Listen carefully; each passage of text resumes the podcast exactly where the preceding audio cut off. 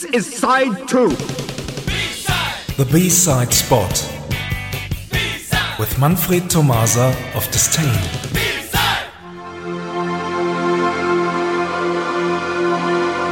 Good evening, everyone, and welcome to the second part of our New Wave special. This time it is all about the Chameleons. The Chameleons were an English post punk and new wave band formed in 1991. Between 1983 and 86, the singer Mike Burgess and his mates released three studio albums. Here is a song taken from the second long player, What Does Anything Mean basically? The title is Looking Inwardly.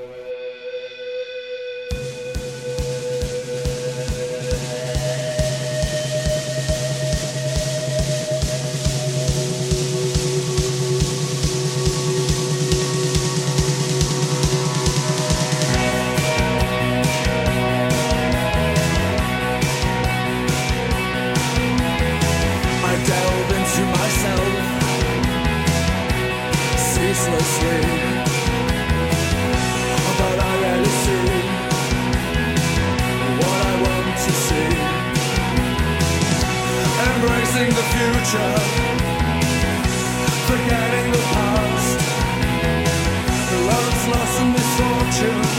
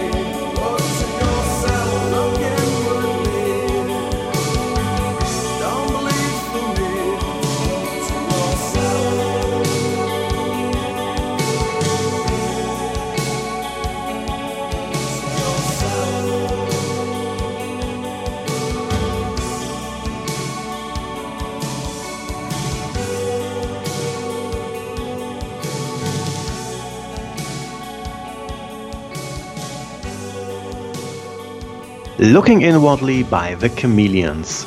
In 1987, the band's manager Tony Fletcher died and Chameleons split. All four musicians moved on with several projects.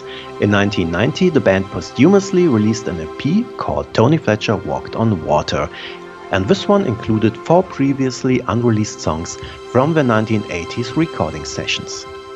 They also issued live albums and compilations before they reunited in the year 2000 to play a few concerts. The same year saw the release of Strip, which featured all material in acoustic formats plus two brand new compositions. A year later, a new studio album appeared, Why Call It Anything? Here is the long player's opening track, Shades.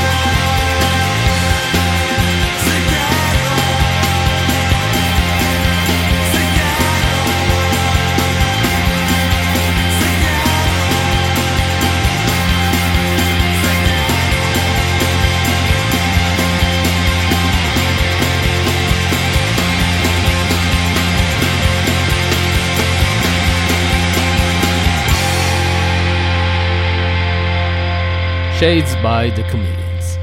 In 2002, another unplugged album was released before the band split for the second time.